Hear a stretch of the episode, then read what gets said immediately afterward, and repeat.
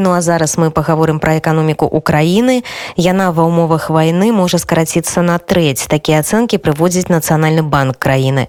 Канчатковая ацэнка стран страт будзе залежаць ад працягласці ваенных дзеянняў, а для хуткага аднаўлення ва ўкраіне павінны быць праведзены структурныя рэформы з прыцягненнем маштабнай між... міжнароднай дапамогі, кажуць эксперты.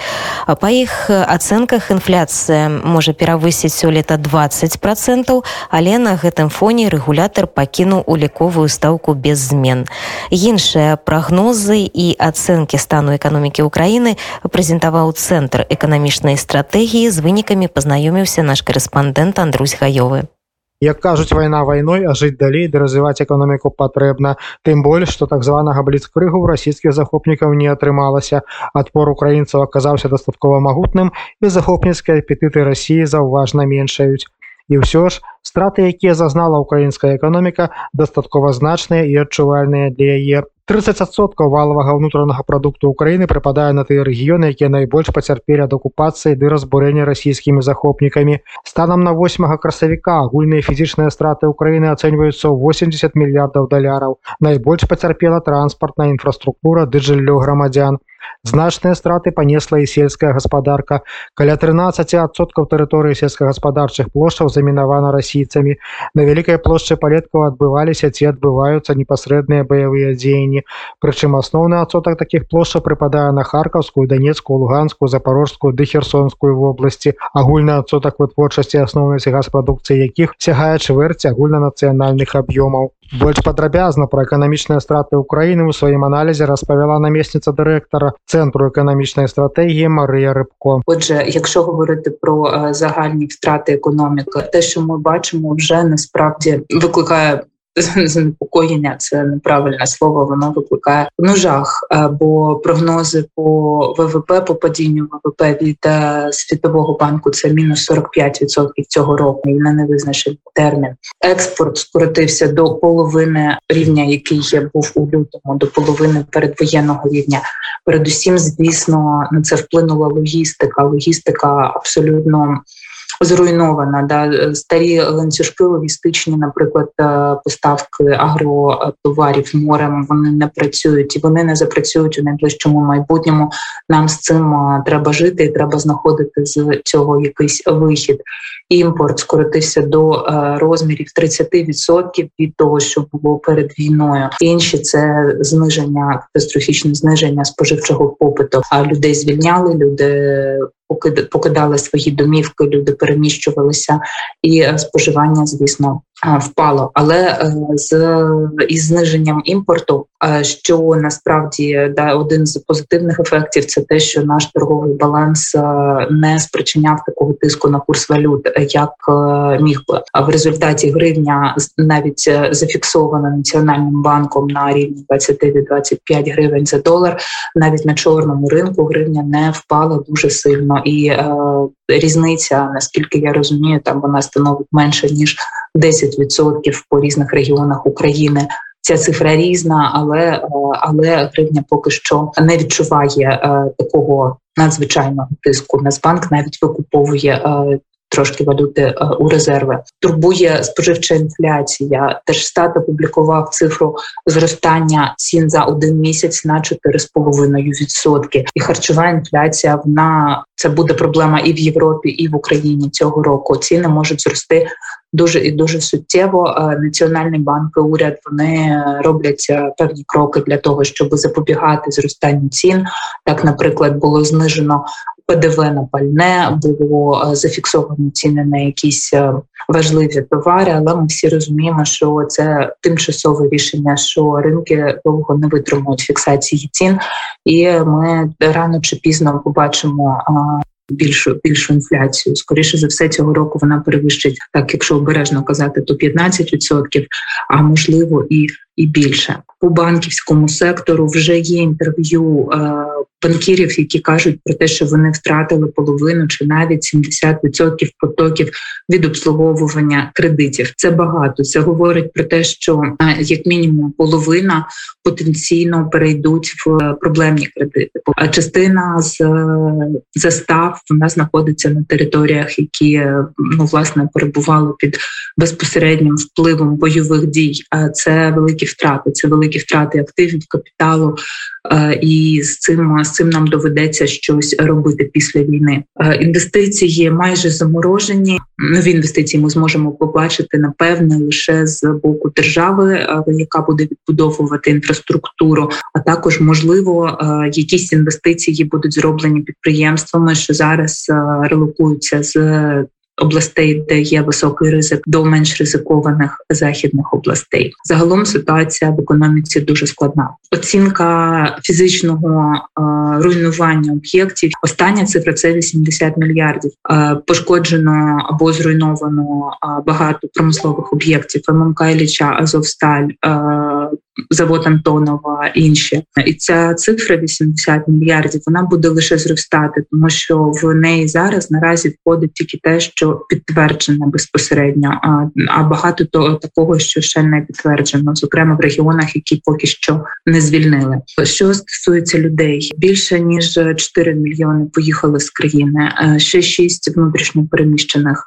Всі ці люди вони потрапляють у е, вразливі групи, так звані vulnerable groups. Це люди, яким потрібна допомога. У держави на жаль недостатньо ресурсів, щоб допомогти їм повною мірою. А люди е, втратили домівки, люди втратили роботи, і е, частіше за все це жінки з дітьми, яким дуже важко одразу да переорієнтуватися і знайти себе якось в економіці. Дефіцит е, загального фонду державного бюджету в березні досяг 2,8 мільярди доларів. Справа в тому, що в ця, ця цифра, якби вона в принципі підйомна. Да, частково він, він був профінансований з а, коштів іноземних партнерів, частково емісійним, емісійним шляхом. Але ситуація погіршиться, і це вже в принципі видно по а, доходах з основних податків. Податок на доходи ПДФО, податок на доходи населення, е, він е, буде знижуватися, бо е, людей звільняли в березні, да і будуть звільняти в квітні. Це це джерело, воно якби буде буде знижуватися корпоративний податок, податок на прибуток з переходом людей на двохвідсотковий податок з обороту, а також з тим, що вони просто не отримуватимуть більше прибутку зараз через економічну кризу. Крім того, багато підприємств заплатили податок на прибуток in advance, та зарані. Ось і е, це це джерело також скоріше за все впаде. Те саме станеться з ПДВ. Е, ПДВ скоротили зменшили ставки по ПДВ, е, прибрали ПДВ на імпорт. Особливо це якби важливо з точки зору того, що багато компаній перейдуть на спрощенку, на спрощену податкову систему. Це означає, що ПДВ вони платити не будуть. Дивіденди від державних підприємств допомогли бюджету вистояти в березні. В квітні це джерело вже е, не працюватиме. Те саме стосується прибутку Національного банку України, який був перерахований в е, лютому. Зараз вже на наступні місяці цього джерела у бюджету теж. Теж не буде, тому скоріше за все дефіцит е, бюджету розшириться, і конкретні цифри я б зараз їх бояться називати, да їх не називає ніхто, але там він може сягнути чотирьох або навіть вище мільярдів доларів. Намеснік старшыні нацыянальнага банка Украіны Сергей Николайчук паведаміў падчас дыскусіі пасля прэзентацыі даследавання пра тое, як галоўная фінансавая установа краіны падтрымлівае стабільнасць банкаўскай і ўвогуле фінансавай сістэмы. Я б хотів би сказати, що зараз у нас досить досить широкий спектр підтримки банківської системи, якби ми застосували з початку війни, і в тому числі е, якби під. Надавали банк банкам необхідний рівень ліквідності для того, щоб вони могли підтримувати свої кредитні програми, які в них були до війни, і нові програми, які були започатковані разом з урядом вже під час війни. Там про ну, йде, наприклад, про те ж саме кредитування посівною. І насправді те, що ми бачимо зараз, що у банків там переважної більшості з них особливих проблем з ліквідності немає, і в цих умовах ну якби запроваджувати ще один елемент.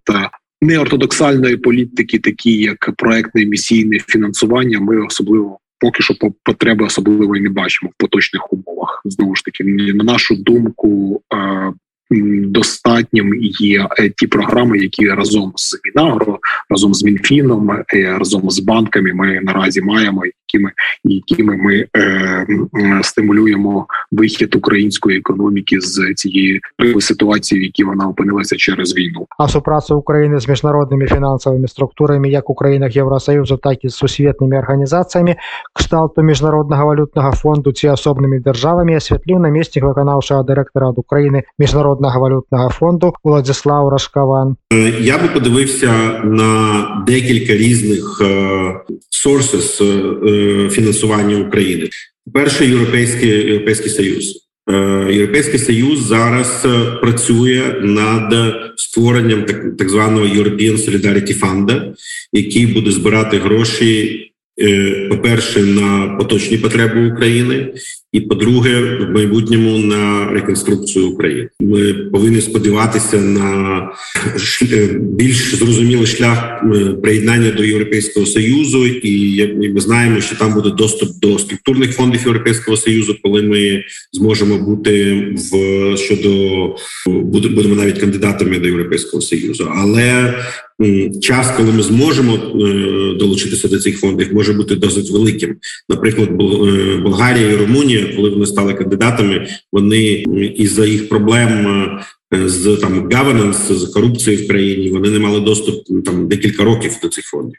Е, і третє ресурси Європейський Союз надав е, саме країнам, в яких зараз знаходяться наші біженці. Е, там було 13 мільярдів євро, потім ще 9 мільярдів євро. І так, звісно, ці гроші йдуть е, частково для українців на виплати на виплати їм, але в більшості вони йдуть на е, там. Збільшення або покращення інфраструктури в цих країнах щодо медицини, освіти, транспорту і так далі. Але все одно вони трошки вони приходять також українців. Другий of фінансування це питання міжнародних організацій. МВФ, Світовий банк, ІБРД, European Investment Bank вже надали свої гроші в лютому, в березні. і Це дуже допомогло нам пройти ці перші два місяці або перші півтора місяця досить нормально щодо фінансування. В світовому банку створений Multi-Donor Trust Fund, Е, в якому вже є декілька е, внесків декількох країн, я не буду зараз казати, яких і куди підуть ці 500 мільйонів доларів е, американських американського гранту, які вже були були анонсовані і ці гроші будуть допомагати Україні. Е, третє це так званий е, bilateral support, тобто е, підтримка різних країн. Вчора я бачив вчора розмовляв з міністром Марченка. Він сказав, що він підписав угоду нову угоду на 500 мільйонів канадських доларів з Канадою. Ми знаємо, що є, є підтримка в там Німеччині, є Італія, і більше країн буде буде допомагати також е, Україні. Ще є інструменти так званої SDR allocation, тобто використання е, е, ну, спеціальних прав прав заімствування, які були випущені на минулому році. І останнє ще те, що ми не Досить, на мій погляд, не використовуємо е, для підтримки України і бізнесу в Україні. Це якісь приватні гроші. Тобто, ми маємо приватні гроші як donations, але які там великі корпорації е, не не ще не не контриб'ютили в, в українську економіку. Тобто, якщо все це підсумувати, чи все це е, зможе покрити наш дефіцит бюджету 4-6 мільярдів доларів. Я би сказав так: для того, щоб це покрити, покрити, нам треба буде використовувати різні ресурси. По перше, треба буде ще робити більше зусиль для отримання усіх цих фінансів, що я сказав, і уряд це робить. і Національний банк допомагає, і це це робиться кожного дня. Друге, це те, що бізнес починає працювати на першому другому тижні війни. 84% опитуваних підприємств вони мають там декілька сотень компаній. Сказали, що вони або повністю зупинили бізнес, або майже повністю зупинили бізнес. Сьогодні він надіслав нові дані третьої хвилі. 56% сказали, що вони повністю або майже зупинили. Тобто, ми ми бачимо пожвавлення економіки. Андрусь Гаёвы паслухаў даклад пра стан эканомікі ўкраіны падчас вайны і расказаў нам пра яго асноўнае палажэнне.